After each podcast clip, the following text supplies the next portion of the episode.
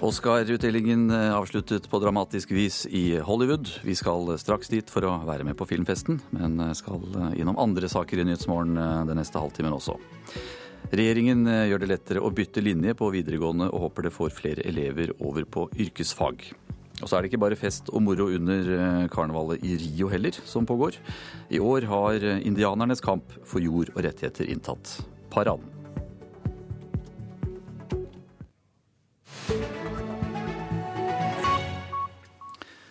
Ja, god morgen. Dette er eh, Nyhetsmorgen. Jeg heter eh, Anders eh, Borgen Werring. Ja, Ved en feil så ble altså La La Land tildelt pris for beste film under Oscar-utdelingen som akkurat er ferdig. Prisen den gikk til Moonlight. USA-korrespondent Gro Holm, du er selvsagt i Hollywood og har fulgt utdelingen. Hvordan var reaksjonen på denne feile prisutdelingen? Ja, det var jo full forvirring oppe på scenen. Det var Warren Betty, denne litt aldrende skuespilleren som leste opp at det var La Land som hadde vunnet. Eh, og, og så ble det eh, var det masse rot og forvirring, og så ble det klart at det var ikke riktig. Det var da 'Moonlight'. og eh, Warren Betty kom med en høyst forvirrende forklaring på hvorfor det hadde skjedd, eh, som ingen tror jeg riktig, riktig forsto.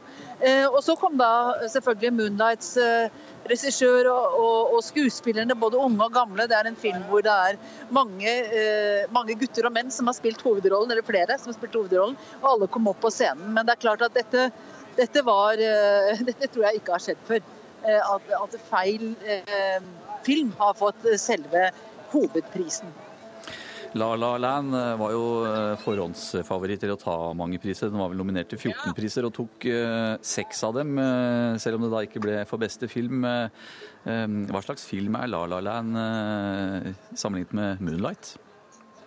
Ja, De er fullstendig ulike filmer. La La Land er en dramakomedie, en musikal.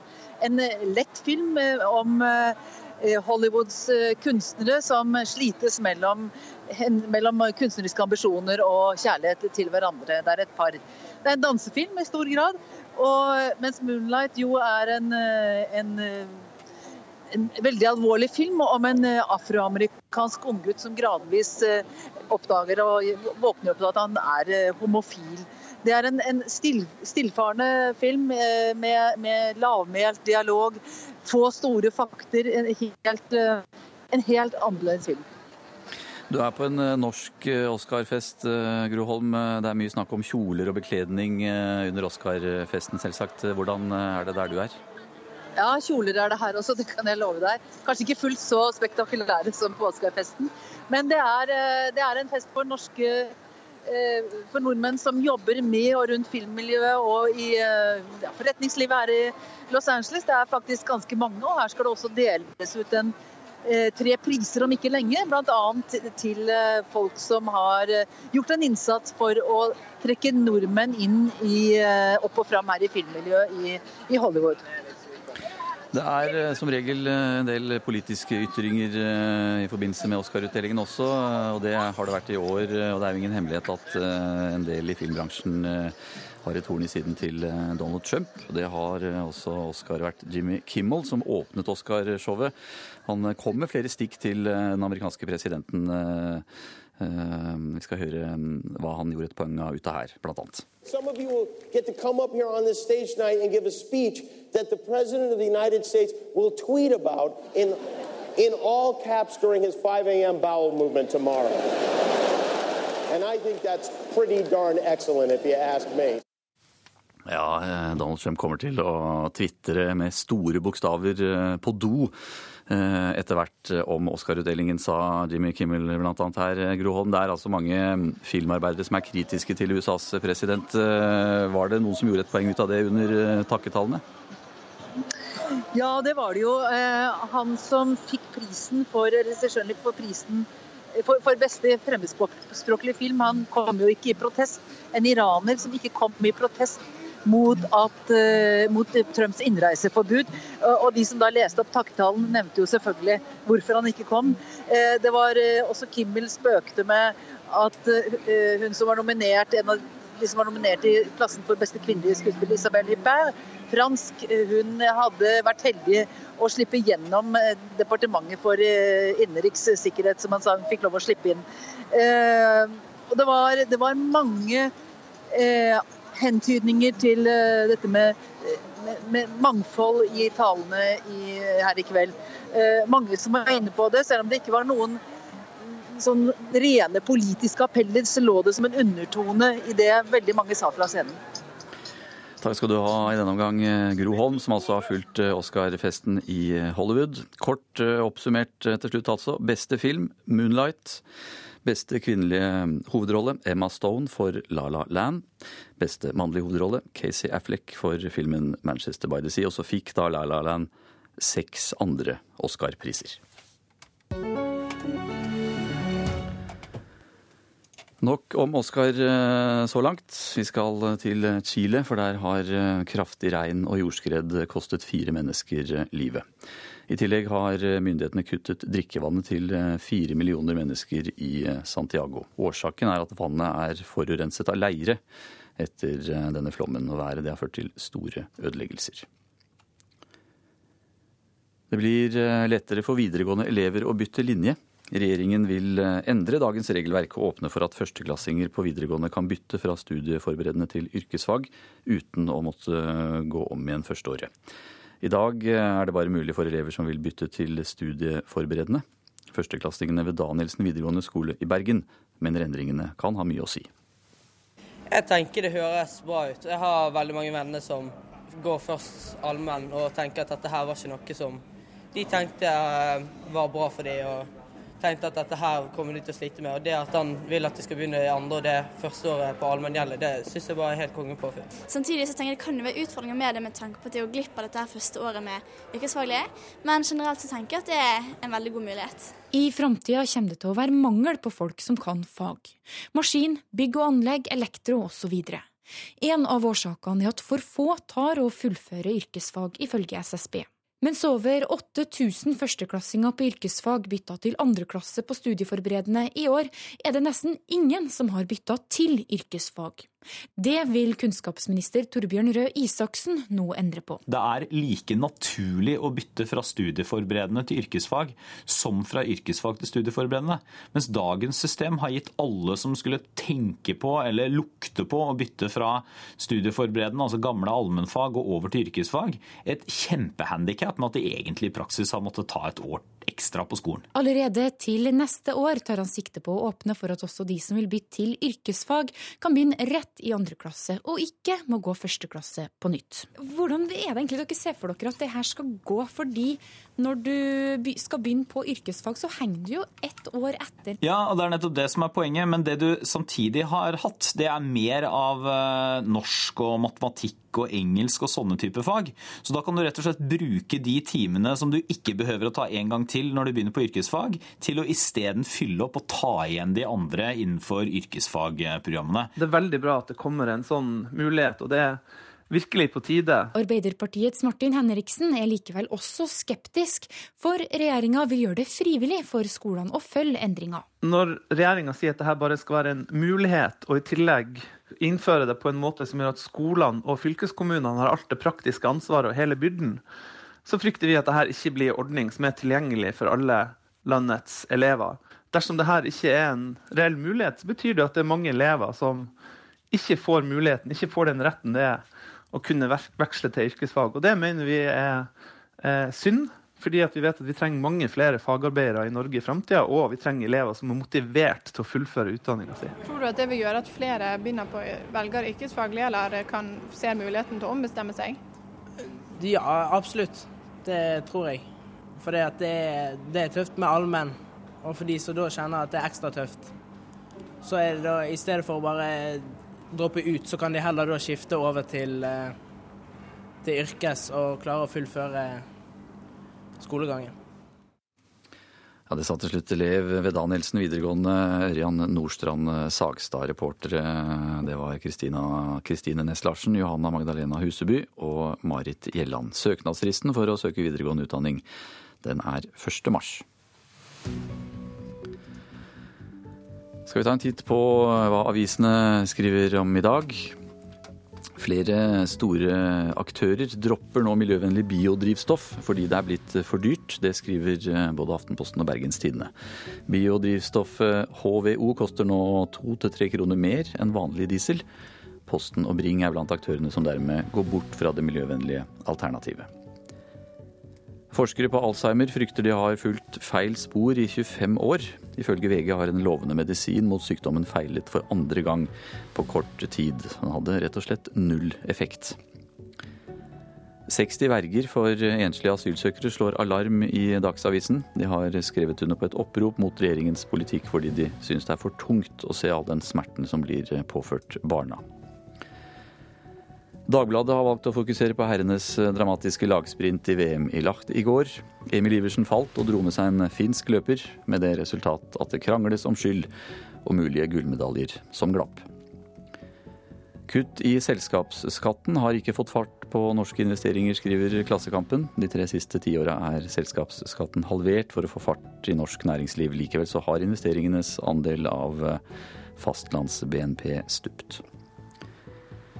Mange frykter en sprekk i boligbobla, men det er det ingen grunn til, sier sjefanalytiker Eskil Engseth i Sparebank1-gruppen til Dagens Næringsliv. Boligprisene befinner seg riktignok på et høyt nivå, sier han, men han ser ingen faresignaler som tilsier at vi skal få et boligkrakk. Lav verdi på landbrukseiendommer stopper investeringer, skriver Nasjonen. Nå vil Landkreditt ha en statlig garantiordning for å sikre landbruk i hele landet. Og Vårt Land skriver om prester og predikanter som ikke tror. Avisa har snakket med sykehusprest Jon Erik Bråten ved Modum Bad, som møter mange av dem.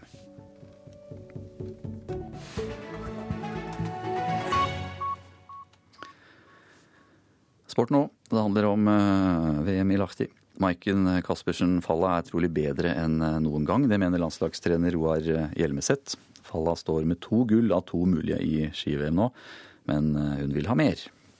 Ja, men det skal jo bli tøft å få plass på stafettlaget. da. Det er jo det jeg drømmer om. Men nå er jeg fornøyd med VM uansett, og så får vi se hvordan formutviklinga til resten av laget er. Men hvis, ja, hvis ledelsen sier at jeg skal gå, så skal jeg i hvert fall gjøre mitt beste. Og jeg tror jeg skal klare å gjøre en bra jobb, da. Det får vi ta litt, litt etter hvert. Sier landslagstrener Roar Hjelmeset. Så er det nok en sånn stafett til som, som Maiken har veldig lyst til å gå. da, så vi... Vi avventer litt, og så ser vi hvordan lagoppstillingen blir der. da. Selv om han ikke nå kan love Falla en plass på stafettlaget i VM, så er han tydelig på hvor god 26-åringen er. Per dags dato så er det vel nesten så at vi aldri har sett Maiken bedre. da. Hun er utrolig sprek, og hun, ja, hun har et veldig godt hode. Hun er tålmodig, og hun har den farten som hun trenger. Så per nå veldig, veldig, veldig bra. Heidi Weng gikk sammen med Falla på gårsdagens lagsprint og tok gull. Fallas andre i Lahti. Weng er full av beundring. Maiken er alltid en mesterskapsløper, og hun har alltid prestert i mesterskap. Det viser seg på gang på gang. Helt siden Valdres hjemme så har hun vært på pallen hver gang i sprint og leverer alltid varene sine på sprintstafett. Så du veit at Maiken presterer. Det er helt rått. Det er hyggelig å høre det. Ja, det er jo ikke hvem som helst. Det er jo Heidi Weng som står her og prater, så det er selvfølgelig en, det er godt å høre fra Heidi. Reporter her, det var Geir Elle. Det er altså Nyhetsmorgen i NRK P2 og Alltid nyheter du hører på nå. Klokka den er straks 6.47. Dette er hovedsakene. Moonlight vant Oscar for beste film. Skuespillerne Emma Stone og Casey Affleck vant for beste hovedrolle. Regjeringen gjør det lettere å bytte linje på videregående, og håper det får flere elever over på yrkesfag. Millioner av FM-radioer kastes. Nå starter nasjonal innsamlingskampanje for å få sendt radioene til gjenbruk i utlandet.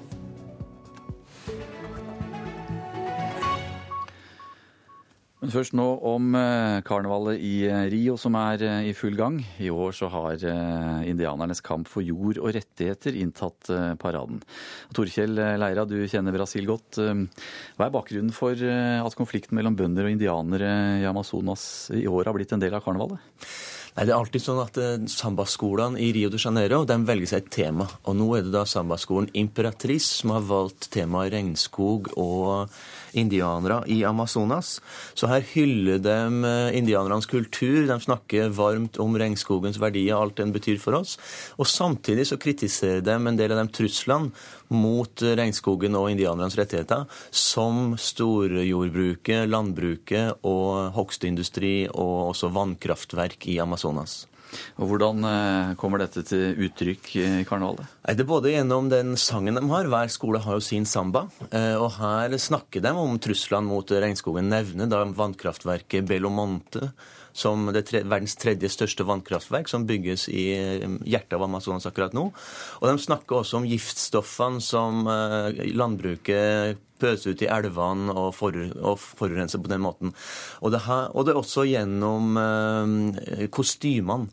En del av det opptoget, det er jo 3000 medlemmer i en sånn sambaskole, en del av det har da dødningehoder og skal gjenspeile giftstoffene til landbruket. Og det her har jo falt landbruket veldig tungt for hjertet. Ja, for eh, de kaller det eh, ignorant og historieløst, eh, blant annet. Hva er det de sier? Nei, de sier jo det, og de går jo til å fordømme skolen. Kvegeoppdretterne bruker sånne ord. De fordømmer skolen og alt det de står for. Men enda mer alvorlig er det jo at lederen av et av de største partiene i Brasil, Demokratene, som, som støtter regjeringa som sitter nå, de vil jo ha en parlamentarisk undersøkelseskommisjon. og da begynner det å ta skala. Så på ett nivå kan du si litt sånn overfladisk og litt komisk, det her pasjonerte brasilianere og det karneval og sånne ting. Men litt dypere så mener jeg det er dypt problematisk, og det er uttrykk for to sånne store konflikter i Brasil. Det ene er jo den klassiske vekstvern. Hva skal man bruke de store arealene og de store ressursene til i, i Amazonas? Og det andre er jo sånn dypliggende ja, rasisme overfor landets urbefolkning, og det som også uenighet i det som uh, Grunnloven sier, at indianerne de skal kontrollere arealene som de har bodd på tradisjonelt. Men hvor vanlig er det med sånne type politiske ytringer under karnevalet i Rio? Det er ganske vanlig. Van, vanligvis så velger jo skolene sine tema. Det er en kjendis eller en sang eller litteratur. Men noen ganger så tar man jo da foten inn i, eh, i, eh, i politikken. Så det er også en del av bildet her at skolene sponses. Som Norsk Klippfisk og Norsk eh, Fiskeindustri har jo også sponsa den samme skolen, Imperatrice, det tror jeg var i 2007. I år er det altså indianere og regnskog. Hvem som sponser dem, det er for, for meg, om det er noen, det vet jeg ikke. Så det er et stort spørsmålstegn for meg. Men det blir veldig spennende å se hvordan det skjer. Og det er akkurat nå, mens vi snakker her, så er Imperatrice det er med på Sambagata i Rio de Janeiro. Akkurat nå mens vi snakker. Til glede for mange, men da til eh, litt frustrasjon for eh, kvegeoppdrettere og de som eier landbrukseiendommer i Brasil. Takk skal du ha, Torkjell Leira, som altså er eh, Brasil-kjenner. Vi skal hjem igjen og høre at flere fontenehus i Norge sliter med å få endene til å møtes. Et fontenehus det er et arbeidsrettet rehabiliteringstilbud til personer med psykiske lidelser. Og I Drammen så er det nå så ille at stillinger må reduseres og tilbudet blir dårligere. Ja, Ekstrastiftelsen. Ekstrastiftelsen, og at vi skulle vi skal se på Vi kan jo gå inn på de kriteriene. Det hadde vært greit å sette på en gang til. Daglig leder Irina Greni og nestleder Katrine Henriksen ser på muligheten til å søke penger hos en stiftelse. En del av tiden går med til nettopp dette om dagen. Uh, akkurat nå uh, sliter Fontenehuset Drammen med økonomi. Hvor mange penger mangler dere? Vi mangler 1,2 millioner. Så dere må ha mer penger for å opprettholde driften her? Absolutt. absolutt. Hvis ikke, så er vi nødt til å redusere bemanning, og det er svært uh, alvorlig. Fontenehusene finansieres som et spleiselag mellom kommunene og Helsedirektoratet, i tillegg til at de hvert år må søke midler for å supplere på økonomien. Det er uforutsigbart, og i år ser det vanskelig ut for Fontenehuset i Drammen. De er ikke de eneste som sliter med å få endene til å møtes, sier daglig leder av Fontenehus Norge, Svein Jacobsen. Ja, Drammen har økonomiske problemer nå. Kongsberg har utfordringer, Hønefoss har utfordringer, Stavanger har utfordringer og Bergen har utfordringer. Eh, du sier ikke at kommunene ikke er med, på ingen måte. For dette er kommuner som har vært villige til å satse på arbeidsrettet rehabilitering. Men fortsatt gjenstår det noe for at Fontenehusen skal få en forutsigbar og grei finansiering, så de slipper å slite med det hvert eneste år. Fontenehuset, vær så god. Du snakker med Merete. Merete Heier Statle har vært på Fontenehuset fire dager i uka i et halvt år. Hun øver seg på å sitte i resepsjonen. Det er veldig bra. For jeg, på en måte, nå har jeg kommet uh, ut av utenforskapet og inn i et fellesskap. Ja, hvor jeg kan bruke mine ressurser og føle på mestring. For det er utrolig mange av oss som er her. Selv om vi har hatt en psykisk utfordring, så har vi jo masse ressurser og erfaring. Og medlemmer tar vare på medlemmer, og så har vi de medarbeiderne som er den trygge ramma, skansen, ja. som er der. Men nå må Drammen nedbemanne. Både leder og nestleder har bestemt seg for å redusere sine stillinger fram til juni. Da blir det dårligere oppfølging av de 130 medlemmene, sier nestleder Katrine Henriksen. Det er å følge de opp eh, ute i forhold til Nav, behandling, lege, DPS. Vi, vi, jobber jo veldig mye sammen to og to. Uh, side om side. Og, og, hvis vi mister uh, noen av med medarbeiderne våre, så, så, vil vi ha færre til å støtte medlemmene. Hva sier de til det, da? De er jo veldig lei seg for det det er klart. Så hvis du kunne ta den opp i en gryte, Cecilie? Bacalaoen er største. Bacalaoen er største. Ja. Hjelp og støtte på kjøkkenet kan trenges. Her på Fontenehuset handler det om å bruke arbeid på å få troen igjen på seg selv. Merete er redd for at tilbudet hun har skal bli borte. Jeg håper at Fontenehuset får støtte. Altså at, at de får de pengene de trenger. For, for dette tilbudet, det er så viktig Altså, det, det, jeg er mest redd for, er, er, at det ikke skal være noe fontenehus lenger. Hva er det som skjer da, hvis dere ikke får uh, halvannen million kroner? Vanskelig spørsmål. Da må vi rett og slett uh, redusere bemanning på to stillinger etter juni. Vi har ikke noe valg. Reporter Karoline Bekkelund Hauge. Nordmenn vil kvitte seg med flere millioner FM-radioer i løpet av året. Hittil har de fleste havnet hos eh, renovasjonen, der de blir knust og gjenvunnet. Men nå kommer en nasjonal kampanje for å få sendt fullt brukbare radioer til gjenbruk i utlandet. Hvor mange FM-radioer tror du du har? Sikkert ti. Fire-fem. To nattbordradioer og en på stereoen og på kjøkkenet og på loftet. Og... Ja. Hva gjør du med de nå? Jeg hiver de gi de vekk, eller sette de i en samlekasse, eller et eller annet. Ja, jeg syns det er trist. Det er meningsløst at eh, brukbare, fullt brukbare radioer bare skal skrotes til gjenvinning. Tord Kjellflot liker ikke å se fullt brukbare radioer bli kasta til gjenvinning. Han er overingeniør i renovasjonsselskapet Ivar i Rogaland, og har savna en skikkelig plan for hva som skal skje med alle de overflødige FM-radioene. Ja, nå er det jo slik at uh, FM-båndet i de fleste land i verden uh, fremdeles kommer til å være intakt. Så det er jo mange land disse radioene fra Norge kan, kan brukes i. Og det er jo gjort anslag på at, vi, at det er ca. 10-20 millioner radioer som nå kommer til å bli ubrukelige i Norge. Som er i de norske tusen hjem og hytter og på arbeidsplasser. Men nå kan altså gamle radioer likevel få et nytt liv. For Ivar går i bresjen for en nasjonal innsamlingskampanje for å sende radioene til gjenbruk i utlandet. Ja, altså Vi har òg tatt eh, initiativ eh, i lag med Avfall Norge eh, til å prøve å få til et nasjonalt eh, løft på dette her. Slik at eh, hele landet kan eh, være med på denne dugnaden. Det syns jeg mye om.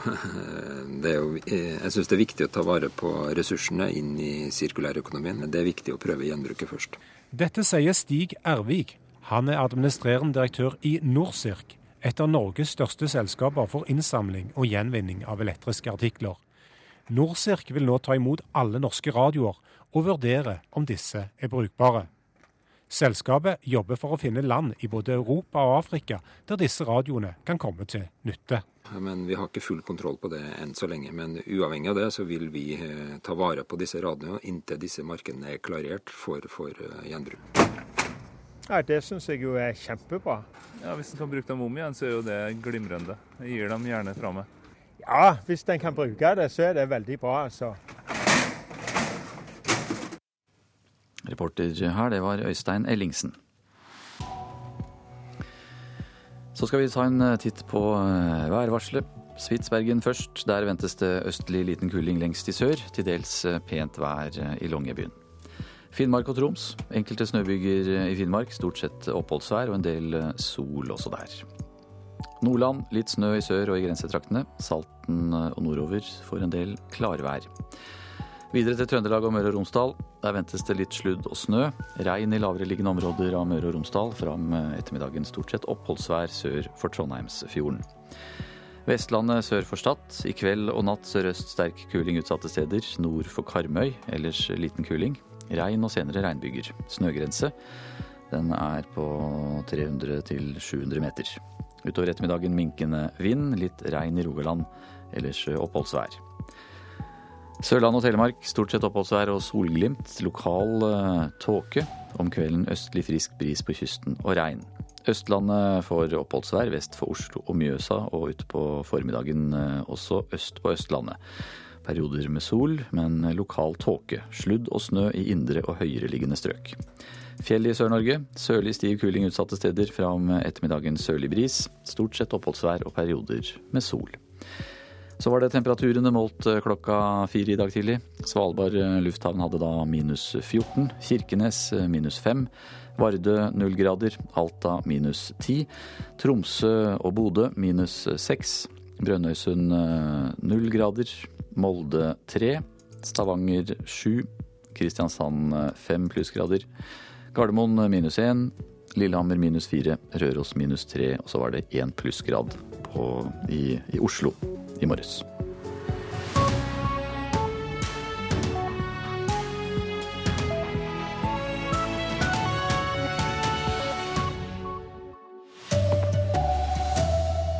Skandale under Oscar-utdelinga. Feil vinner ble utropt til beste film. Nesten alle fylkeslederne til Arbeiderpartiet er menn. Uakseptabelt, sier partiveteran. Her er NRK Dagsnytt klokka sju. Ved en feil ble La La Land tildelt pris for beste film under Oscar-utdelinga i USA i natt. Midt under takketalen kom beskjeden om at det var Moonlight som hadde vunnet prisen, og det skapte full forvirring, forteller USA-korrespondent Groholm, som er i Hollywood. Det var Warren Betty, denne eh, litt aldrende skuespilleren, som leste opp at det var La La Land som hadde vunnet. Eh, og, og så det eh, var det masse rot og forvirring, og så ble det klart at det var ikke riktig, det var da Moonlight. og Warren Betty kom med en høyst forvirrende forklaring på hvorfor det hadde skjedd, eh, som ingen tror jeg riktig, eh, riktig forsto. Eh, og så kom da selvfølgelig Moonlights regissør og, og, og, skuespillerne, både unge og gamle. Det er en film hvor det er mange, mange, gutter og menn som har spilt hovedrollen, eller flere som har spilt hovedrollen, og alle kom opp på scenen. Men det er klart at dette, dette, var, dette tror jeg ikke har skjedd før. At, at feil film har fått selve hovedprisen. Og filmen La La Land fikk i alt seks priser, og du kan lese om alle prisvinnerne på nrk.no.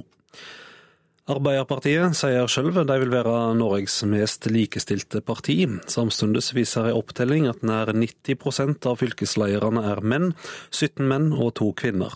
Stortingsrepresentant for Ap og leder av Norsk kvinnesaksforening, Marit Nybakk, peker på at partiet er bra på likestilling når de kan kvotere, men sier det er uakseptabelt at så få kvinner er fylkesledere. Dette her var et, eh, var et uh, tall som ikke er akseptabelt. Jeg syns det er deprimerende. Eh, jeg ble veldig overrasket.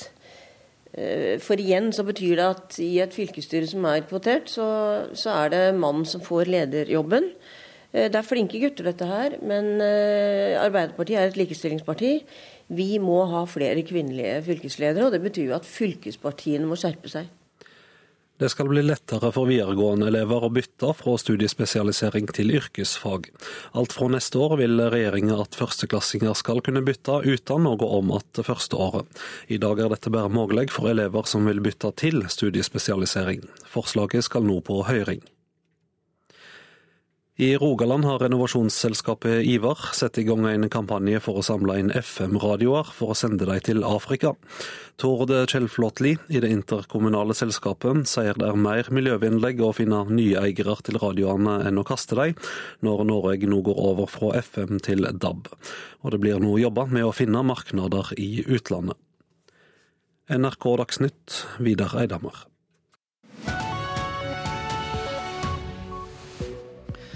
Ja, Nyhetsmorgen fortsetter i P2 og Alltid nyheter nå med disse sakene. Vi skal selvfølgelig snakke mer om eh, feil utdeling av beste film under Oscar. Det blir mer om drama i eh, Hollywood straks.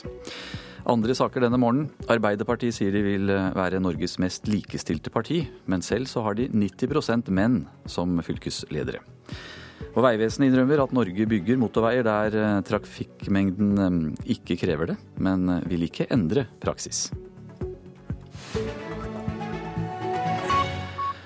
Dette er altså Nyhetsmorgen. Jeg heter Anders Borgen Werring.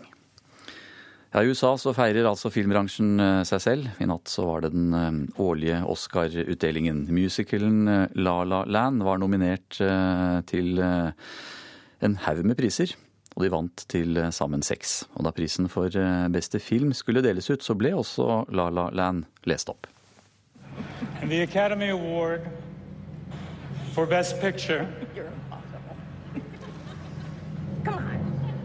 La La Land. Ja, men eh, det viste seg altså at det var eh, feil eh, konvolutt som Warren Betty hadde her. Og midt under takketalen så kom beskjeden om at det var Moonlight som var vinneren. I'm sorry. No, this, there's a mistake. Moonlight, you guys won Best Picture. Moonlight won. Come on, this is not a joke. This is not a joke. I'm afraid they read the wrong thing. This is not a joke. Moonlight has won Best Picture. Moonlight, Best Picture. Ja, det var altså 'Moonlight' som ble vinneren av eh, altså beste film. Eh, Inger Merete Hobelstad, du er kommentator i Dagbladet, fulgt eh, Oscar-showet. Hva var det egentlig som skjedde her? Du, Det som skjedde, var at den konvolutten som Warren Betty og Faye Dunaway skulle lese fra, inneholdt feil lapp. Der sto det samme pris som den forrige som hadde blitt delt ut, der da Emma Stone fikk prisen for beste kvinnelige skuespiller for La La Land. Og Warren Betty ser da at både at navnet til Stone står på lappen, og stusser. Eh, men rekker den til Fade Anyway, som ser tittelen på filmen, leser den opp.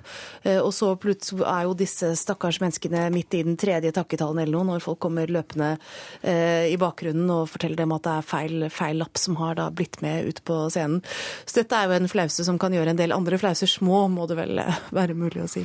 Ja, Du har jo sett en del Oscar-utdelinger. Har noe lignende skjedd tidligere? Eh, ikke det jeg har fulgt med på. Det har vært hva skal jeg si, kanskje mer eller mindre heldig øyeblikk, men en slik sånn åpenbart eh, arrangørtabbe som dette tror jeg ikke det har vært snakk om før.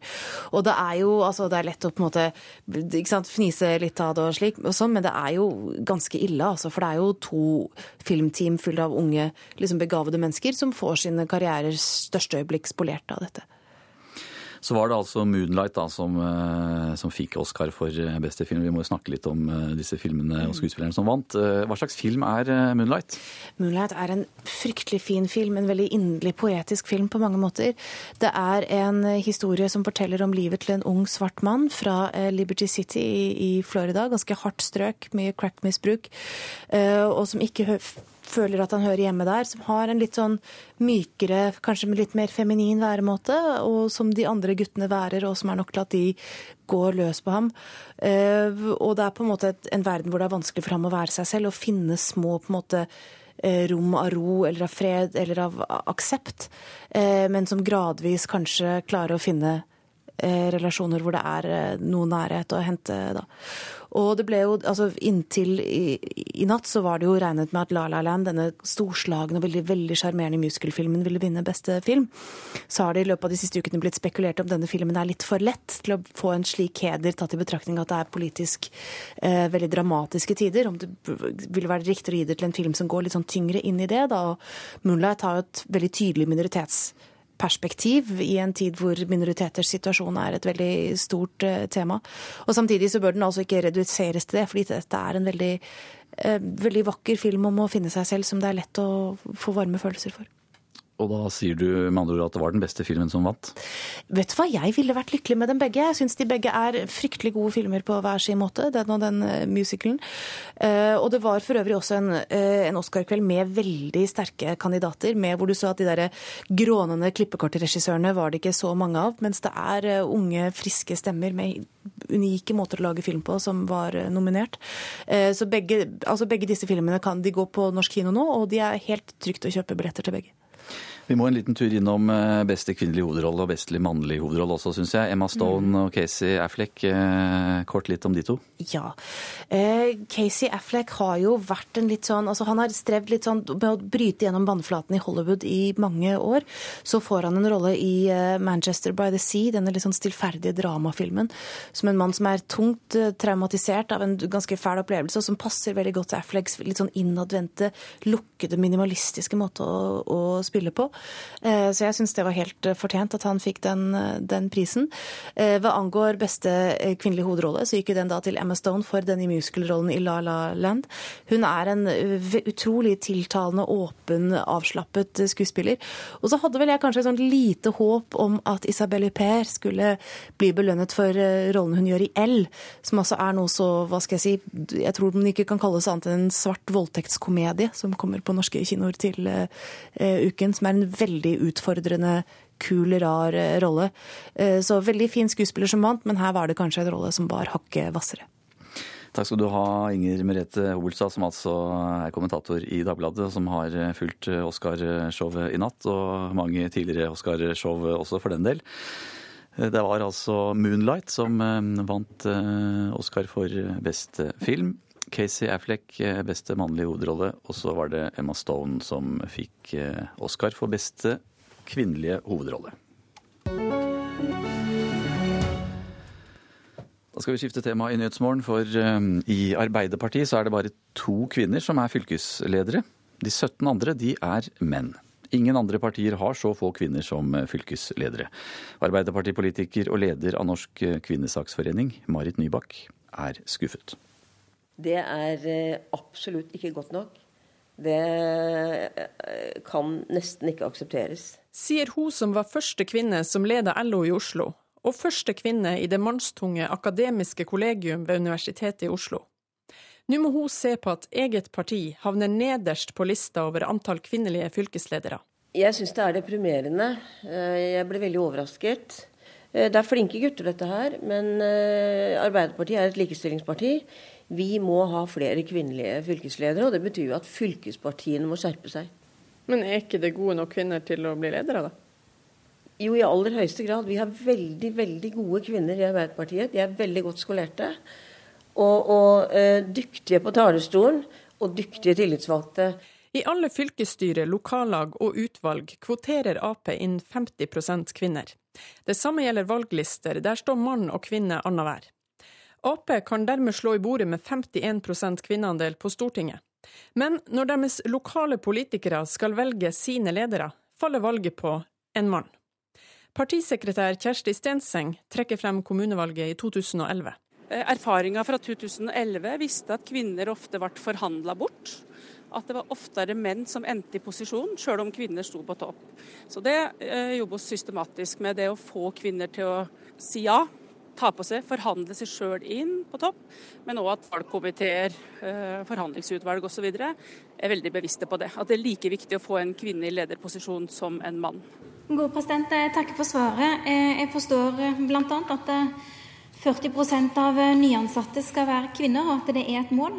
Og spørsmålet mitt da, president, er hvordan skal politilederne nå dette målet? Det sa nestleder i Arbeiderpartiet Hadia Tajik i sist spørretime på Stortinget.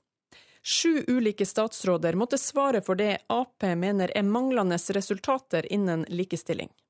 Men sjøl har Ap altså 90% menn som fylkesledere. Kvinneandelen blant fylkesledere er altfor dårlig. Er som du sier, to nå. Og Det er også en problemstilling vi er veldig bevisste på og jobber systematisk med for å få flere kvinner. Svarer Stenseng. Sjøl sier Ap at de vil være Norges mest likestilte parti. De har et eget kvinnenettverk, de hadde Norges første kvinnelige statsminister, men på lokalplan står det altså ikke så bra til. Blant ordførerne har Ap 32 kvinner, mens bildet av fylkeslederne får Marit Nybakk til å gremmes. Og når man ser på denne statistikken og disse bildene, så skjer det jo altfor ofte. Da er det jo gjengs, ikke sant? Da er det jo det som, som, som, som skjer i de fleste tilfellene. Jeg vil appellere til fylkespartiene om, om, om, å se på dette, altså om å skjerpe seg, slik at vi ikke kommer ut med et sånt tall. Og reporter her, det var Eva Marie Bulai. Ja, Likestillingsombud Hanne Burstrøm og tidligere Arbeiderparti-statsråd er det også. Vi hørte at Arbeiderpartiet liker å kalle seg for Norges mest likestilte parti. Hva skal vi si til den påstanden her, da? Ja, De tallene vi ser her når det gjelder fylkesledere er jo virkelig ikke bra. Og med den historien Arbeiderpartiet ellers har å fortelle når det gjelder kvinnelig representasjon, så må dette være veldig flaut. Er du overrasket? Jeg er litt overrasket over at man kommer dårligst ut på dette i forhold til partier ellers. Nettopp fordi at eh, man har hatt veldig fokus på å få frem kvinner i Arbeiderpartiet, og har eh, en god historikk på det. Men her har man tydeligvis gjort en for dårlig jobb. Så vet vi eh, generelt at det å rekruttere kvinner til lokalpolitikken er mye vanskeligere enn å få kvinner inn i rikspolitikken. Generelt så er det vanskelig. Hva som er årsaken til det, skal jeg ikke si. Mye tyder på at kvinner ofte kanskje kvier seg for å ta den type verv også. At det er verv man gjør i tillegg til arbeid og andre oppgaver, og at det kanskje ofte blir for mye. At det kan være én årsak. Men det er klart at partiet må ta ordentlig tak i dette for å få opp tallene. Arbeiderpartiet bruker jo kvotering aktivt. Er dette et tegn på at det ikke fungerer i det hele tatt med kvotering? Kvotering vet vi, det er jo et virkemiddel som virker. Det sier seg selv, det følger på en måte av systemet. Det må partiet vurdere selv, tenker jeg. Nå har man fått tallenes tale, må tåle at man blir kommentert og hengt ut for det. Har, som jeg sier ellers, en veldig god historikk, det tror jeg vi må være ærlige og si. Men her må man gjøre noe, og hva man velger å gjøre, det må partiet vurdere selv. Men du har ingen forslag da, til hva man kan gjøre? Man ser jo da altså de fleste kvinner, altså, eller mange da, de ender altså da i stedet som ledere, så ender de som nestledere. Hva skal man gjøre for å få de helt opp på toppen? Altså, det ser man jo gjennomgående. ikke sant? At Selv om man er flink til å stille én mann og én kvinne som kandidater, så blir det mannen som velges. Um, og Det viser jo også at man har gode kvinner. Man har gode kvinner som står som nummer to-kandidater. Kvotering er et virkemiddel, men eller, eller ha en helt bevisst og klar politikk på at nå skal vi få kvinnene frem. Men jeg kvier meg litt for å si at man skal velge det ene eller det andre. Men det er klart at skal man få dette til, så er kvotering fra toppen av definitivt et effektivt virkemiddel. Men når det da er et så stort sprik mellom da Arbeiderpartiet sentralt, der får de fram kvinner. Vi har fått den første kvinnelige statsministeren, som det ble sagt her, blant annet. Men så klarer de ikke dette her da på fylkesnivå kommunenivå. Jeg kan ikke nok om historikken her, om dette er tall som har endret seg over tid. Sånn at, at man generelt ikke klarer det er kanskje ikke helt riktig, men det vet jeg ikke. Men her har man gjort en for dårlig jobb. Jeg vil tro at dette skyldes at man ikke har den bevisstheten hele veien. Det jeg tror det er viktig å være klar over at selv om man er dyktig på noen områder når det gjelder å få frem kvinner, så må man jobbe med det hele tiden. Hvis ikke så ser man dessverre disse resultatene. Den oppfordringen kom fra likestillingsombud Hanne Bjurstrøm. Det er altså Nyhetsmorgen du hører på nå. Klokka den har passert 16 minutter over sju. Det ble skandale under Oscar-utdelingen i natt, da det ble lest opp feil vinner av beste film. La La Land ble lest opp, mens den egentlige vinneren, det var Moonlight. Regjeringen gjør det lettere å bytte linje på videregående, og håper det får flere elever over på yrkesfag. Og som vi nettopp hørte, Arbeiderpartiet sier de vil være Norges mest likestilte parti, men selv så har de 90% menn som fylkesledere.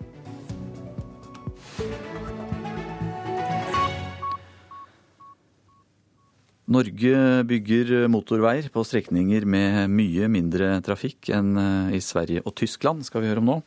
Den planlagte Hordfast på Europavei 39 trenger f.eks. ikke firefelts motorvei og 110 km i timen for at den forventede trafikken skal flyte bra. Statens vegvesen og Vegdirektoratet vil likevel ikke endre normen for hva slags trafikkmengde som kreves på motorveien, sier avdelingsdirektør Gyda Grenstad. Hvor stort motorveinett man ønsker å ha, det er jo i veldig stor grad en politisk beslutning. Fagsjef Holger Slaupitz i Norges naturvernforbund mener norsk motorveipolitikk er både råflott, miljøskadelig og unødvendig. Dagens regler gir et veisystem en overdreven god kapasitet. Det vil koste samfunnet mye penger, gi store naturinngrep. Nå har Vegvesenet lagt på høring et revidert forslag til veistandarder i Norge. Der skriver de at trafikk opp til 15 000 i døgeret flyter godt også på vanlige tofeltsveier med forbikjøringsfelt. Det gir god trafikkavvikling. Fire felt og 110 km i timen er altså ikke nødvendig for å få flyt når trafikken er under 15 000 i døgeret. Likevel foreslår Vegvesenet å beholde dagens grense på 12 000. Vi har ikke vurdert å heve grensa for firefeltsvei, så den har vi beholdt. Det kan virke som en politisk overstyring. Mener Arild Hermstad, som er førstekandidat for Miljøpartiet De Grønne i Hordaland. Til en viss grad så, så vil man jo kunne si at det er et resultat av politikk, hva vi foreslår. Slik sett vedgår Grenstad at Vegdirektoratet tilpasser sine faglige råd ut fra politiske signal. Vi skal foreslå standarder som svarer på de transportpolitiske målene. Reporter her, det var Leif Rune Løland. Ja, Håvard Grønli, det blir mer om vei og så videre i Politisk kvarter? Det blir det. Vi bygger motorveier der trafikkmengda tilsier at vi egentlig ikke trenger det. Det mener iallfall Miljøpartiet De Grønne, som vi hørte så vidt her. Og som vi har hørt, så er det ikke bare snakk om miljøargument her, men kanskje at vi også bruker mer penger enn vi trenger på vei der trafikken kunne flyte bra med en mindre vei. Vi skal diskutere hva som er riktig her. MDG møter Høyre fra Samferdselsdepartementet i debatt. Og så skal vi snakke mer om likestillinga i politikken, som du nettopp snakka om her i Nyhetsmorgen. Og det skjer kvart på åtte i NRK P2 og NRK Alltid nyheter. Biodrivstoff er blitt vesentlig dyrere siden nyttår. Posten og Bring velger nå bort miljøvennlig biodrivstoff, og dermed er utslippene på norske veier ventet å øke kraftig i år. Biodrivstoffet HVO koster nå to til tre kroner mer enn vanlig diesel, skriver Aftenposten og Bergens Tidende. Prisen har steget kraftig etter årsskiftet, bl.a. pga. nye norske krav til palmeoljeavfall. Posten og Bring er blant aktørene som dermed går bort fra det miljøvennlige alternativet. Bare Bring fyller 30 millioner liter drivstoff i året her i landet, og har ikke råd til å tape 60 millioner på å velge HVO. Derfor fyller de nå lastebilene med vanlig diesel. Sammen med NHO Logistikk og Transport krever de nå tiltak for å sikre satsingen på fossilfri næringstransport. Regjeringen har nemlig en ambisjon om å øke andelen biodrivstoff i veitrafikken til 20% i 2020. Sa reporter Elise Heisel Asbjørnsen. En amerikansk president har mange forpliktelser, men ikke alle er like viktige. I helgen så ble det kjent at han ikke kommer til å være til stede under den tradisjonelle middagen som Det hvite hus holder i april for de politiske korrespondentene som følger presidenten. Men når de folkevalgte venter på ham i Kongressen i morgen, da må han møte. Og det er stilt store forventninger til hva han kommer til å si.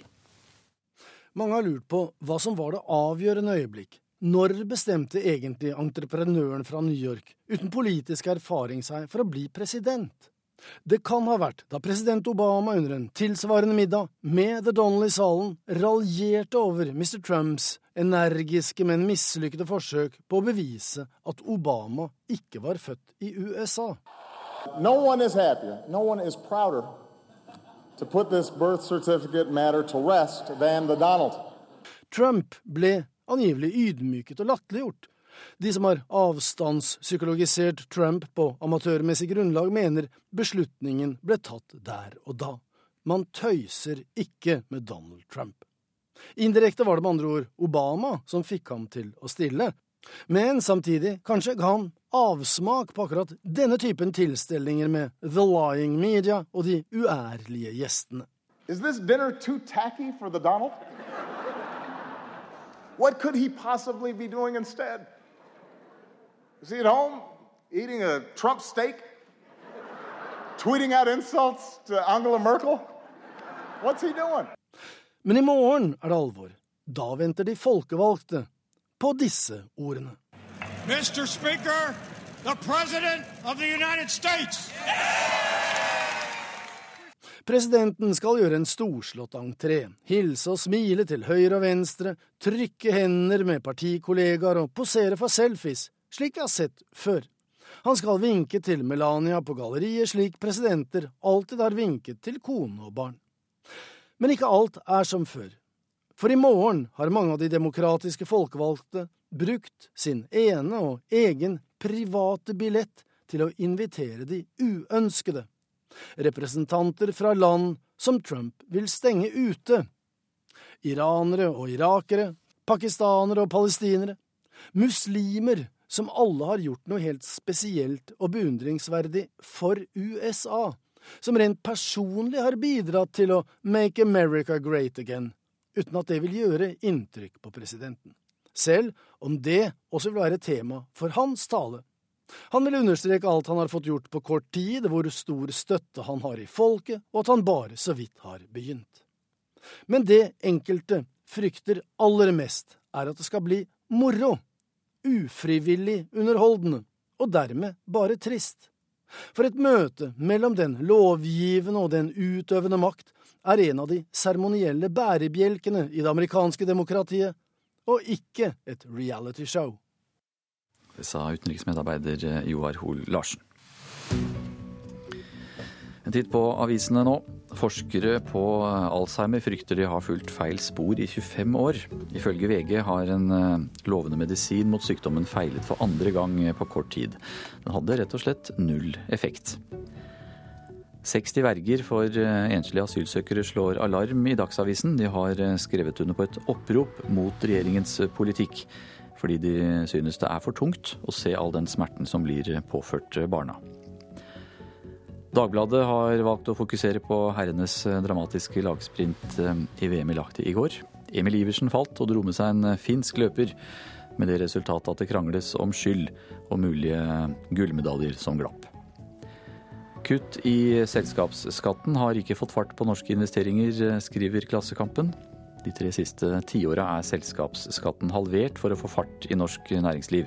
Likevel så har investeringenes andel av fastlands-BNP stupt. Mange frykter en sprekk i boligbobla, men det er ingen grunn til det, sier sjefanalytiker Eskil Engseth i Sparebank1-gruppen til Dagens Næringsliv. Boligprisene befinner seg riktignok på et høyt nivå, sier han, men han ser ingen faresignaler som tilsier at vi skal få et boligkrakk.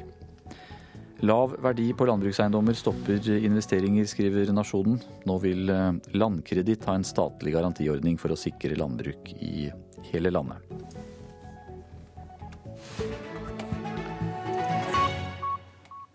Selv om eh, teknologien har erstattet mange av værobservatørene her til lands, så trenger vi fremdeles trofaste mennesker. Hver dag måler folk på store og små plasser hvor vått og værhardt vi har det. Og i Sogn så håper de å holde frem på gamlemåten i mange år til. Det er tidlig på morgenen, men lyden du hører er ikke av varm kaffe, men av regnvann som blir målt opp. Det er ikke noe å samle på, for det kommer igjen mer. På Brekke i Gulen er nedbørsobservatør Gerd Wergeland oppe for lengst. Kanna med regnvann er henta inn fra målestasjonen utenfor, og minutt senere er observasjonene på vei inn til Meteorologisk institutt. Da er jeg ferdig før i dag. Så det er samme i morgen og dagen deretter. Jobben med å gjøre observasjoner av været blir fremdeles gjort av over 300 mennesker landet rundt. Utfordringa i 2017 er å få neste generasjon til å ta over. Gerd har gjort jobben i snart 20 år. Nå vil hun gjerne sende stafettpinnen videre. Nei, spørs når hans og ungdommen vil ta det, da. På taklet i Gulen henger regndråpene tett på glassrutene i stova. 78 år gamle Jon Takle ser ut på været slik han har gjort uendelig mange ganger før. Ute på bøen står nå et teknisk vidunder, en automatisk målestasjon. Ja, i dag er det litt røske her, så det går godt å slippe å gå ut og lese av disse observasjonene. Teknologien gjorde sitt inntog på Takle i 2014. Da hadde familien til Jon gjort observasjoner i 64 år, tre ganger hver dag. Men så var det slutt. Ingen ville ta tradisjonen videre. Nei, Jeg forstår jo godt at ikke de vil det. De unge folk i dag de er i arbeid utenom, og, og det går ikke an å tilpasse det med vanlig, en vanlig arbeidssituasjon. Hvis vi f.eks. tar Takle, som ligger her, det ser vi er en automatstasjon. Statsmeteorolog Martin Granerød på værvarslinga på Vestlandet kan med få tastetrykk få oversikt over hvordan været er verden over. Mye av det er takket være pliktoppfyllende mennesker som går ut for å sjekke hva værgudene har servert. For å lage et værvarsel så er man nødt til å vite hvordan været er akkurat nå. Og for å vite det, så har vi observasjoner. Teknologien går stadig framover, og i dag har Meteorologisk institutt rundt 220 automatiske værstasjoner. Halvparten av de har erstatta mennesker som før gjorde observasjoner. Men automatstasjonene er kostbare. Samtidig kan en f.eks. aldri ringe en automatstasjon for å finne feilen dersom den har målt 50 grader midt på vinteren. Meteorologene og klimaforskerne trenger derfor værobservatørene i mange år til. Det som er viktig med det her, er jo at det skjer til faste tider hver eneste dag. Eh, det er ikke sånn at man tar fri på julaften og ikke måler nedbør på julaften, for det er ikke så viktig. Her var det 751 millimeter på en måned, så det var en, en god en. På Brekke i Gulen har årbøkene med nedbørsmålinger kommet fram på bordet. Her er det odelsgutten Arve Wergeland som nå er framtidshåpet. Han har tatt over gården, og vet at det er mer enn gårdsdrifta som skal gå i arv. Kommer vel til å fortsette med det, regner jeg med. Sånn, eh, hvis de vil ha stasjonen her. Det er den stasjonen i landet som, som gjelder mest òg, så sånn sett så er det litt eh, ja, greit å prøve å holde på den. Reporter Anna Ytri. Det er eh, Nyhetsmorgen eh, du hører på nå. Det er straks klart for eh, Dagsnytt. Produsent for Nyhetsmorgen i dag det er Ingvild Ryssdal. Jeg heter Anders Borgen Werring. Så minner vi om at i reportasjen etter Dagsnytt så skal det handle om kullgruveindustrien i USA. President Obama han ville at kullgruvene skulle gjennomføre tiltak for å forurense mindre, men det er det ikke sikkert at Trump vil. Det blir det altså mer om etter Dagsnytt.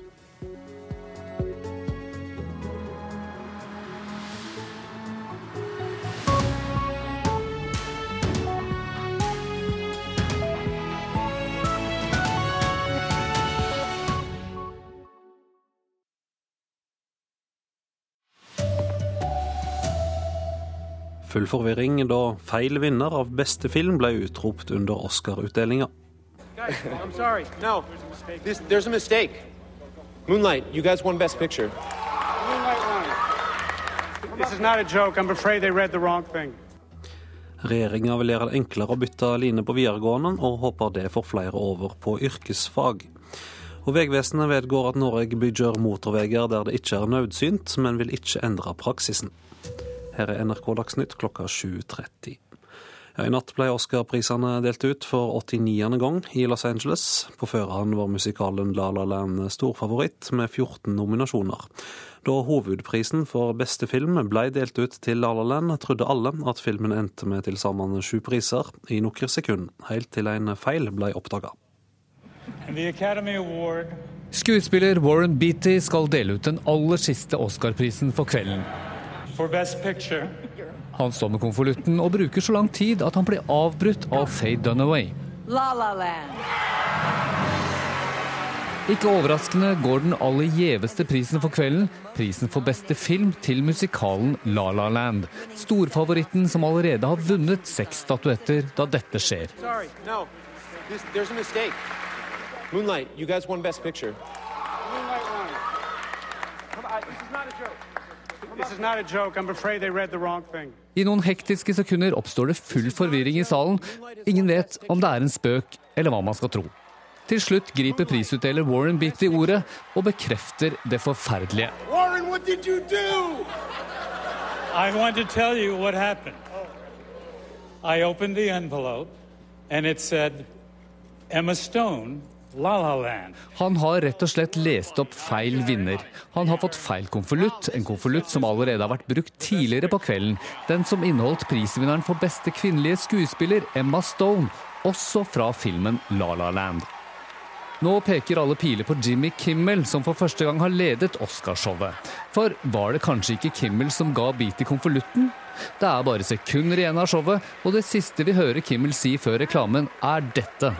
Remember. I mean, uh, I I really. Reporter Petter Sommer.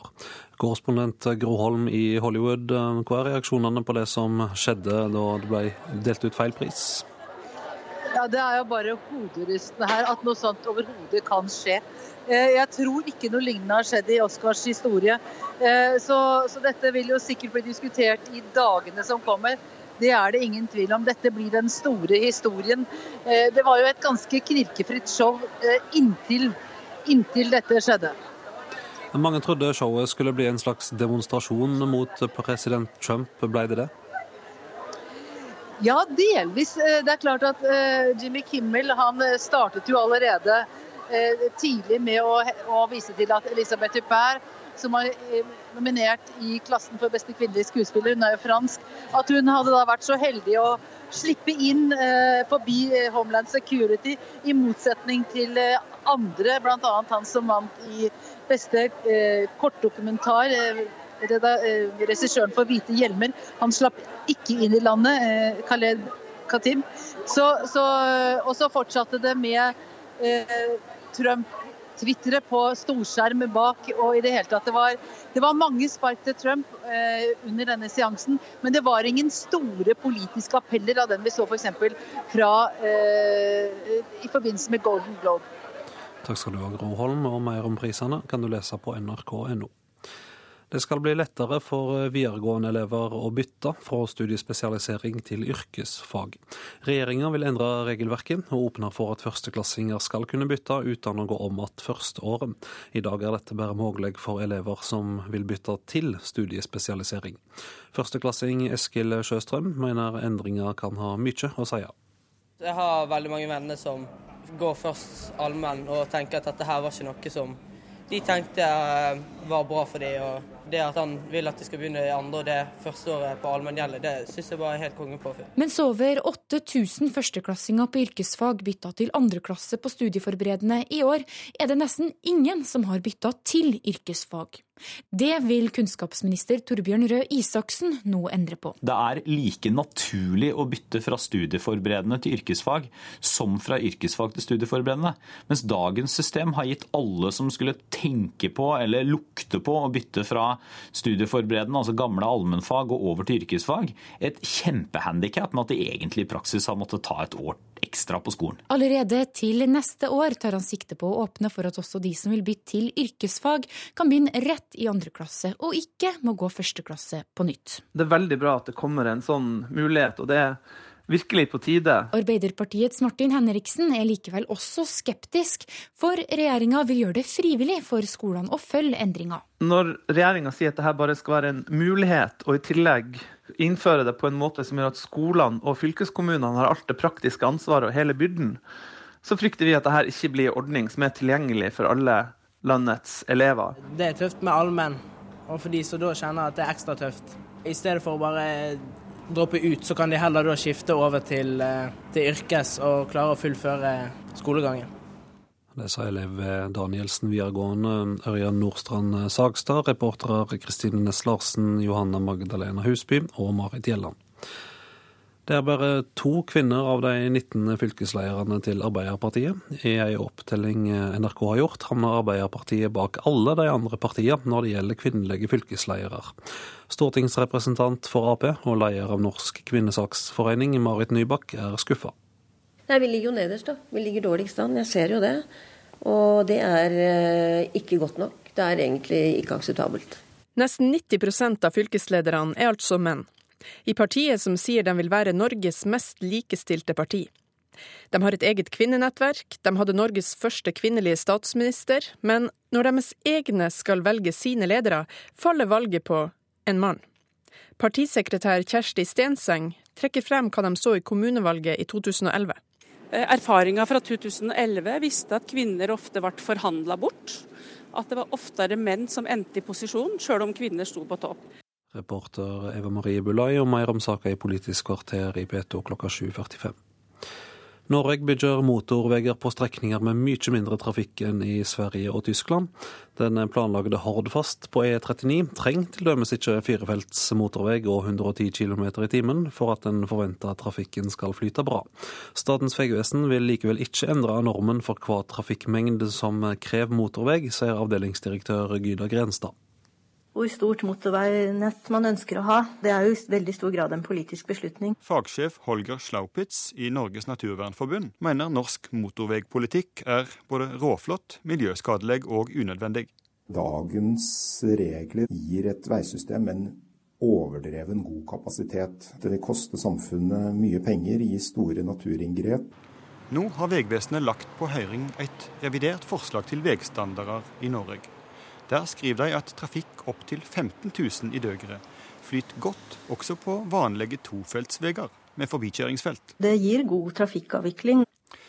Fire felt og 110 km i timen er altså ikke nødvendig for å få flyt når trafikken er under 15 000 i døgeret. Likevel foreslår Vegvesenet å beholde dagens grense på 12 000. Vi har ikke vurdert å heve grensa for firefeltsvei, så den har vi beholdt.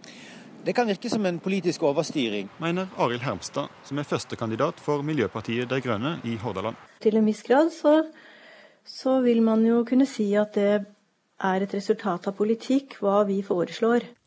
Slik sett vedgår Grenstad at Vegdirektoratet tilpasser sine faglige råd ut fra politiske signal. Vi skal foreslå standarder som svarer på de transportpolitiske målene.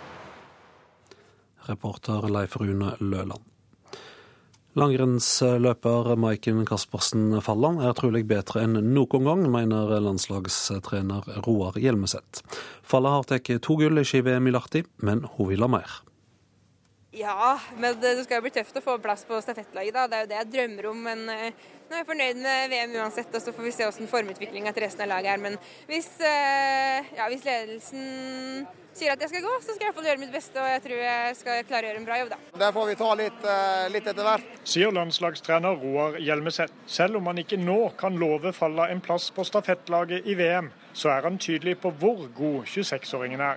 Per dags dato så er det vel nesten så at vi aldri har sett Maiken bedre. Da. Hun er utrolig sprek, og hun, ja, hun har et veldig godt hode. Hun er tålmodig, og hun har den farten som hun trenger. Så per nå veldig, veldig, veldig bra.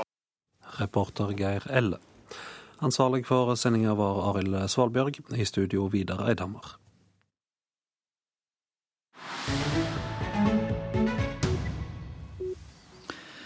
I USA så opphevet president Donald Trump nylig en av president Obamas siste embetshandlinger. Det gjaldt et pålegg om at kullgruver må gjennomføre tiltak for å forurense mindre.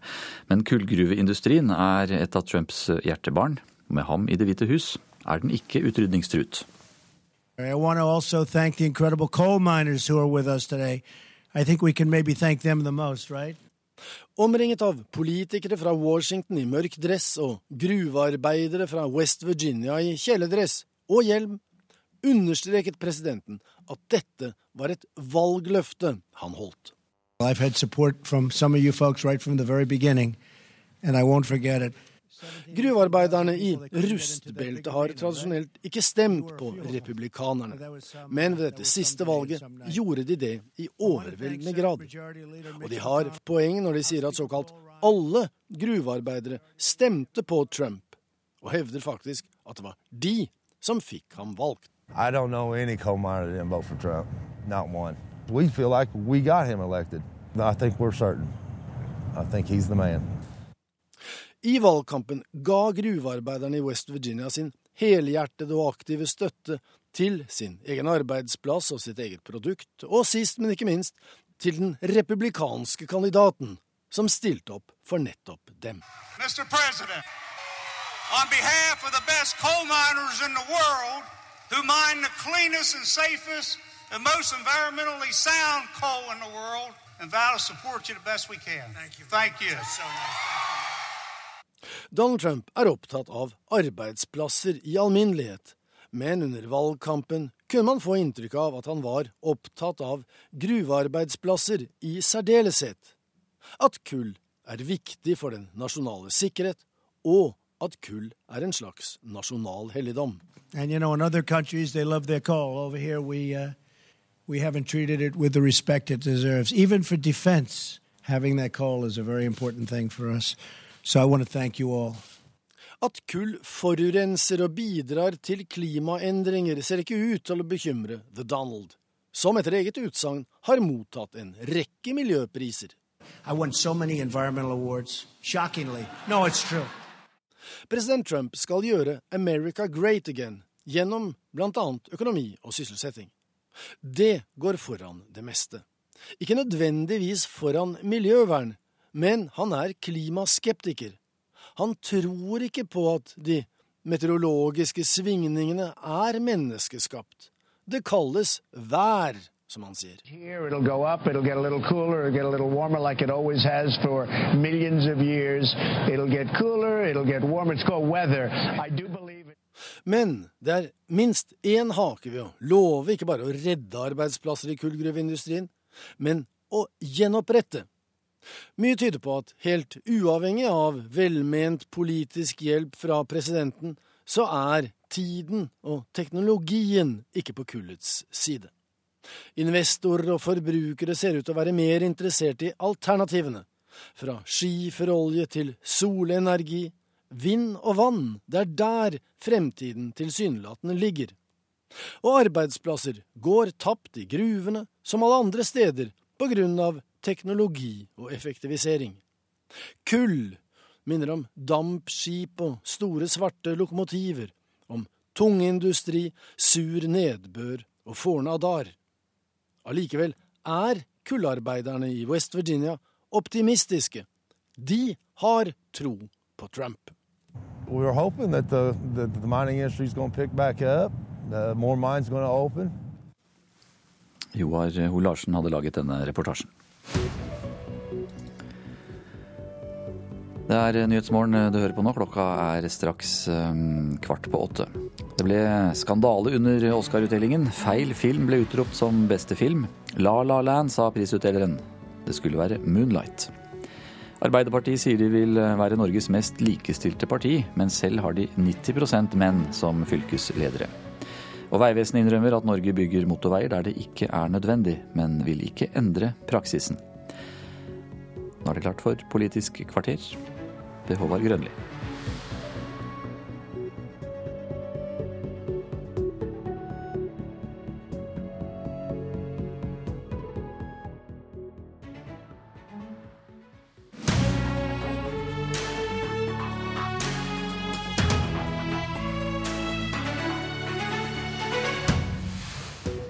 Bygger vi firefelts motorveier der vi kunne klart oss med mindre omfattende veianlegg. At Miljøpartiet De Grønne mener det, overrasker de kanskje ikke. Men de bruker Vegvesenet som sanningsvitne på at de har rett. Og Arbeiderpartiet vil være likestillingsparti, men er verstingen av partiene når det gjelder å rekruttere kvinnelige fylkesledere. Politisk kvarter må også ta et oppgjør med seg sjøl, for her skal to menn diskutere motorvei, og to kvinner diskutere likestilling. Sånn er det. Mens lokalpolitikere kjemper om oppmerksomheten til de sentrale samferdselspolitikerne og grugleder seg til Nasjonal transportplan snart blir lagt fram, så advarer MDG mot at det skal bli bygd altfor mye unødvendig. Partiet mener nye E39 mellom Bergen og Stavanger er ett eksempel på en vei som er planlagt som firefelts motorvei, selv om den ikke vil ha så mye trafikk at den trenger det. Og argumenter mener de altså at de finner hos Vegvesenet sjøl. God morgen, Arild Hermstad. Takk for det. Du er kjent fra Framtiden i våre hender, nå førstekandidat for MDG i Hordaland. Hvis du ser bort fra det miljøpolitiske et øyeblikk, hva transportfaglige argument er det som tilsier at nye veier som skal binde sammen landet, skal bli bygd som tofeltsveier med lavere fartsgrense, og ikke som motorvei? Jo, man kan jo argumentere med at uh, man kan lage sikrere veier hvis man uh, har fire felt. Uh, men det er altså marginalt bedre sikkerhet hvis du bygger en tofeltsvei. Så, eller, det blir ikke noe verre, og da kan du bygge med midtdeler, og du kan lage altså veier som eh, er mer enn godt nok dimensjonert for den trafikken. Og eh, Norske bilister er ikke så veldig forskjellige fra svenske bilister, så vi mener at eh, den grensen bør nærme seg den grensen man har i Sverige, hvor det er 20 000 biler i døgnet som er grensen. For å bygge firefelts motorvei. Ja. Tom Kristin Nilsen fra Høyre, statssekretær i Samferdselsdepartementet. Her i landet har vi da valgt å si at vi vil ha firefelts motorvei der det er 12 000 biler i et gjennomsnittsdøgn. Og som Hermstad nevner, i andre land klarer de seg med enklere veier, der det er langt mer trafikk. Hvorfor skal vi ha så låg trafikkgrense for å bygge motorvei? Nå tror jeg ingen som bor i dette landet på noen måte vil vurdere det norske veinettet som overdimensjonert. Og historisk så har vi jo stort sett bygget veier etter eh, hvordan trafikktallene var for ti år siden, og ikke møtt dagens trafikktall, i hvert fall ikke morgendagens trafikktall. Når vi nå har eh, laget de standardene vi har gjort, så er det en blanding av for det første trafikksikkerhet. og Man kan gjerne kimse av det, men det er klart at hvert eneste liv tapt på, på veien er et liv Eh, for mye. Og vi har en nullvisjon eh, som eh, vi har om null antall hardt skadde og drepte i trafikken. Den nullvisjonen koster litt. Og den Nullvisjonen koster bl.a. at vi må ha midtdelere litt, litt, tidligere enn strengt tatt økonomiske forhold ville tilsagt. Men du tilsagt. kan jo ha midtdeler på en tofeltsvei? Ja, men idet du bygger en midtdeler, så må du utvide veien til en sånn bredde at bl.a. en sykebil kan komme forbi midtdeleren. Og da er du allerede i nærheten av den bredden du trenger for å lage en firefeltsvei. Ekstrakostnaden ved det er mye mindre enn det en skulle tro. og Dermed så er det ofte fornuftig å ta den ekstra kapasiteten og bygge for fremtiden, som f.eks. langs E39, der vi ser en ganske stor befolkningsvekst i årene fremover, og der vi må bygge for fremtiden. Istedenfor å gjøre som vi har gjort flere ganger, nemlig bygge samme veien én gang, to ganger, tre ganger, fire ganger. Ja, altså, man kan argumentere på mange måter med å, å, få reisetiden ned mellom Stavanger og Bergen. Det, det, det, er jeg enig i. Jeg er også enig i at vi kan bruke mye mer penger på, på Vestlandet med å bygge vei og selvfølgelig særlig Hordaland. men Poenget er at men poenget er, at det er, altså, jo, men altså, poenget er rett og slett at, poenget er rett og slett at hvis du var opptatt av trafikksikkerhet, så bygget du mange Altså du utvidet de veiene vi har, tok bedre vare på de veiene vi har. Vi har enorme problemer med rasutsettelse på veiene våre. Og eh, når du velger å bruke Altså Her er det 43 milliarder da i Hordaland. Det er, 400, eller det er 340 milliarder hele veien eh, langs Vestlandet. Hvis du var opptatt av å få mest mulig ut av de pengene på trafikksikkerhet, distriktspolitikk, så hadde vi spredd de pengene mye bedre utover, istedenfor å bygge en symboltung firefelts motorvei som sluker enormt mye natur, som øker trafikken og bryter klimamålet vårt. Så det er jo der ikke, det henger jo ikke på greip å ha en sånn argumentasjon om at man får mye trafikksikkerhet ut av de pengene som du vil bruke. Og, og det, det, er jo, La oss gå til Vegvesenet, som, som sier det at, at trafikkavviklingsgevinsten er marginal, eh, og en trenger 30% mer areal for å gå til en firefeltsvei. Mm. Ja, altså Jeg eh, må si jeg reagerer på, på argumentasjonene. fordi Det er klart at uh, det, er ikke, det, er jo, det er helt riktig som han sier, han er jo ikke mot vei. fordi at Når det gjelder i østlig retning i Hordaland, men, men så er han for en firefeltsvei, og inkludert jernbane i tillegg. Men det er nå sitert men denne, fra din egen fagetat. Ja, og vi kan godt ha forskjellige meninger, men før eller siden så må en på en måte bestemme seg. og jeg tror at langs, Med den befolkningsveksten vi ser langs denne aksen, de befolkningsmulighetene som denne gir, den reisetidsgevinsten vi får, den trygghetsgevinsten vi får, det at fergene blir blir borte. Og det er jo her problemet ligger. Altså Miljøpartiet De Grønne takler jo ikke at fergene skal forsvinne. Vi, så, eh, så, er det veldig fornuftig å bygge firefelts langs hele denne strekningen. For en gangs skyld bygge for fremtiden. Og vi har jo sett, og det vil si, dette er ikke sånn at uh, dette er overdimensjonert. For vi har som sagt igjen og igjen i Norge måttet bygge de samme veiene en gang til. Uh, du har et eksempel inne i, inne i Hardanger f.eks., hvor, hvor man har gjort akkurat dette. Hvor broen fra 1938 står. Fiksesund bro. Og den, den begrenser dimensjoneringen av hele veinettet i Hardanger nord for Nordfjorden. Ja, ikke avbryt meg, da, når jeg ikke får avbryte deg, for å si det sånn. Nei, altså dette er, dette er, fornuftig. Og vi ser at de fleste som står der ute i trafikken i dag denne morgenen, omtrent på akkurat dette tidspunktet, kan gjerne rekke opp på hånden og si at nå, nå kjører jeg langs en overdimensjonert vei. De fins ikke i dette landet. Altså, vi... Eh Eh, vi har en stor mulighet til å bygge elferger i Norge. Eh, og vi mener at eh, mange av de strekningene kan betjenes med hyppige elferger. Ja, dette, dette er grønn næringsutvikling. Og hvis vi ønsker å på en måte ta vekk fergene, så mister vi også næringsutvikling. Men noen steder kan vi også tåle fjordkryssinger på bro. Det vil være nyttig noen steder. Men poenget er jo at hvis vi bruker så mye av vi har ikke alle pengene i verden. sant? Hadde vi hatt det, så kunne man jo bygd alle disse veiene. Men I dette tilfellet skal bilistene betale en tredjedel. Det syns jeg er viktig. La, la, la oss ta pengepoenget, da, eh, Nilsen. Fordi at uh, Hordfast med motorveibru over Bønnefjorden skal koste 43 milliarder, mm. ifølge utregninga fra i fjor. Eh, la, la oss si at jeg er en velger som ikke bryr meg om miljøargumentene, men det har jo noe med hvordan dere forvalter våre skattepenger å gjøre.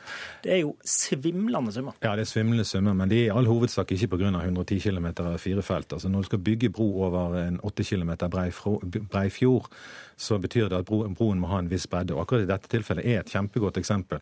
For den må ha den, må ha den bredden allikevel. Og hvis ikke vi benytter den det, bredden vi skal Så det er ingen kostnadsforskjeller? Det, det betyr ingenting for akkurat dette på firefeltsbiten på broen.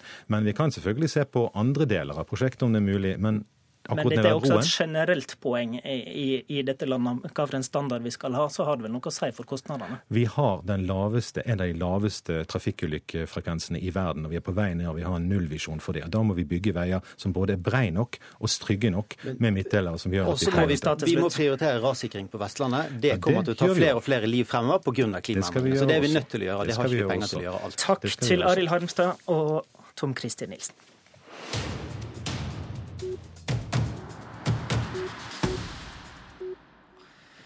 Da kommer kvinnene i studio.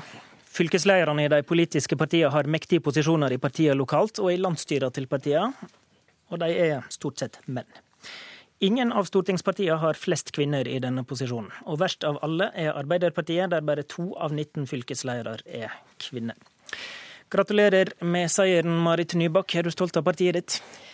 Jevnt over så står det ganske bra til med likestilling i Arbeiderpartiet. Vi har 50 eh, i alle styrer på både regionalnivå og lokalnivå og på fylkesnivå. Eh, vi har 51 av stortingsrepresentantene som er kvinner. Eh, vi har like mange komitéledere som er kvinner som menn. Og den fremste i presidentskapet til Arbeiderpartiet er en kvinne. Mm. Når det gjelder fylkespartilederne, så må jeg si jeg ble veldig overrasket. Ja, Vi har hørt deg refse eget parti i dag. Hvorfor det? Fordi fylkespartilederne, som programlederen helt riktig påpekte, har veldig stor makt. Eh, sitter i landsstyret. Eh, og dessuten så gir det en signaleffekt som er veldig, veldig dårlig. Eh, her har vi styrer i fylkespartiene som er kvotert. 50 kvinner og 50% menn. Og så eh, er det mennene da, som i 17 av 19 tilfeller stikker av med lederjobben. Hvorfor blir det sånn? Det er minst to ting. Eh, det ene er at fylkespartiene velger denne mannen. Det andre er jo at kvinnene selv må begynne å skjerpe seg, og ikke alltid ta til takke med nestlederjobben. Mm. Vi har veldig dyktige og skolerte kvinner i Arbeiderpartiet eh, i alle aldre. Og vi har hatt eh, skikkelig skoleringsopplegg for kvinner i veldig mange år og har fått til veldig mye i politikken. Både på familiepolitikk, på likestilling, barnehager, lovverk, ikke sant. Mm. Eh, men det gir veldig feil signaleffekt at 17 eh, av 19 fylkesledere er menn. Tina Bru, leder i Høyres kvinneforum. Nå kan jo Høyre skilte med selveste statsministeren og den politisk mektigste posisjonen som ligger hos ei kvinne i dette landet. Men eh, også i ditt parti er det skjevheter, for bare fire av 19 fylkesledere i Høyre er kvinner. Hvorfor blir menn leder og kvinner nestleder i denne posisjonen? Nei, Jeg tror dette er et, eh, et, spørsmål det ikke er sånn kjempelett å gi veldig enkle svar på. Altså Langt på vei så er jeg veldig enig i det Marit Nybakk sier, at det handler om eh, først og fremst to ting. og Det ene er altså det at det er ubevisste holdninger som gjør at man fortsatt velger menn, når alt kommer til alt, til ledervervet. Eh, og så er det det at kvinner må bli eh, flinkere selv òg til å ville ta de vervene. Um, og jeg synes at, altså Meg selv er et litt sånn uh, godt eksempel på det. Jeg er en som alltid, helt siden jeg startet i Unge Høyre, ofte vil være nestleder, og helst til og med organisatorisk nestleder istedenfor politisk nestleder. Okay. Og det tror jeg er litt sånn, litt sånn det ofte er med kvinner. At vi føler ofte at vi ikke er flinke nok til å ta på oss ledervervet. Og da tror jeg at eh, partiene må være bevisst på at kanskje må du spørre en dame to ganger da, før hun til slutt sier ja, istedenfor å gi opp når du får nei første gangen. Og det tror jeg er noe alle partiene må jobbe med. Kjenner du deg igjen i det, Nybakk? Ja og nei. Eh, jeg har i en del sammenhenger vært veldig bevisst på å gå inn i lederposisjoner, og var jo da leder av LO i Oslo i nesten fem år, i en veldig mannsdominert organisasjon. Men jeg har også vært nestleder veldig mye, så det er, det er riktig at, at, det skjer. Det er kanskje for få som tar de utfordringene der, som Bru sier? Ja, det er det. Eh, så har jeg lyst til å si at Arbeiderpartiet har jo i veldig mange år Vi innførte kvotering tidlig på 80-tallet. Og da, etter at vi hadde gjort det, så startet vi med Kvinner kan-kurs. Mm. Som jo har fungert veldig bra når det gjelder skolering. Så det er ikke slik at vi ikke har dyktige nok kvinner. Men viser dette at kvoteringa eh, har ei grense? Vi kan vel ikke kvotere mellom fylkene? Nei, nettopp. Viser det Tina Bru, viser det at kvoteringspolitikk er vellykka bare fram til et visst punkt? Jeg tror også det kan få noen konsekvenser som ikke er ønsket, som får motsatt effekt. Eh, for eksempel, nei, på kommunestyrenivå for eksempel, altså ser man ofte det at eh, når man kvoterer kvinner, så har man i utgangspunktet færre kvinner, som gjør at man må bruke de samme kvinnene til veldig mange forskjellige ting.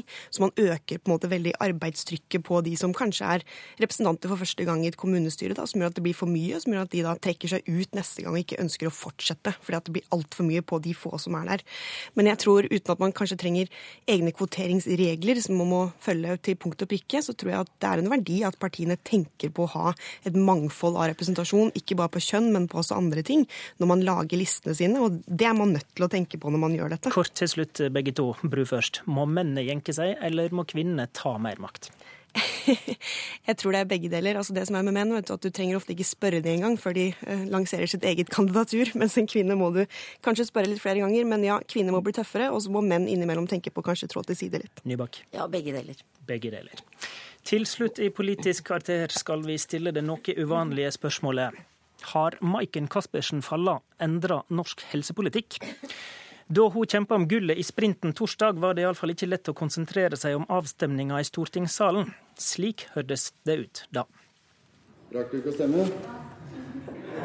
Altså, da, tar vi, da tar vi den om igjen, og så, og, så, og så er det ingen som ser på VM på ski. Det måtte altså stemmes eh, flere ganger, men dette var ikke bare moro. For som følge av eh, at representanter fulgte med på ski-VM, så stramma Stortinget inn reglene for å få pasientbehandling i utlandet. Noe det egentlig ikke var flertall for i salen.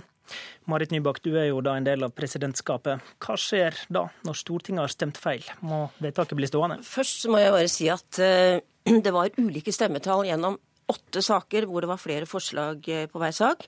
Og Det er klart det er ikke akseptabelt at uh, representantene går inn i salen. Så det var mange som ikke konsentrerte seg her. Ja, prioriterer å se på TV istedenfor å stemme riktig. Og det må vi jo bare skjerpe inn. Så er det slik at det ble vedtatt en sak som det egentlig ikke var flertall for i salen. Hva skjer da? Da skjer det at uh, den voteringen blir stående fordi den faktisk er klubbet, uh, er vedtatt, i motsetning til de andre sakene som måtte tas om igjen to og tre ganger. Uh, og da må rett og slett de som ønsker å gjøre denne saken om igjen, de må legge inn et representantforslag, altså et Dokument 8-forslag. Så får vi se om det kommer et nytt forslag som endrer helsepolitikken tilbake. Men det gullet fra Lahti blir iallfall stående. I studio, Håvard Grønli.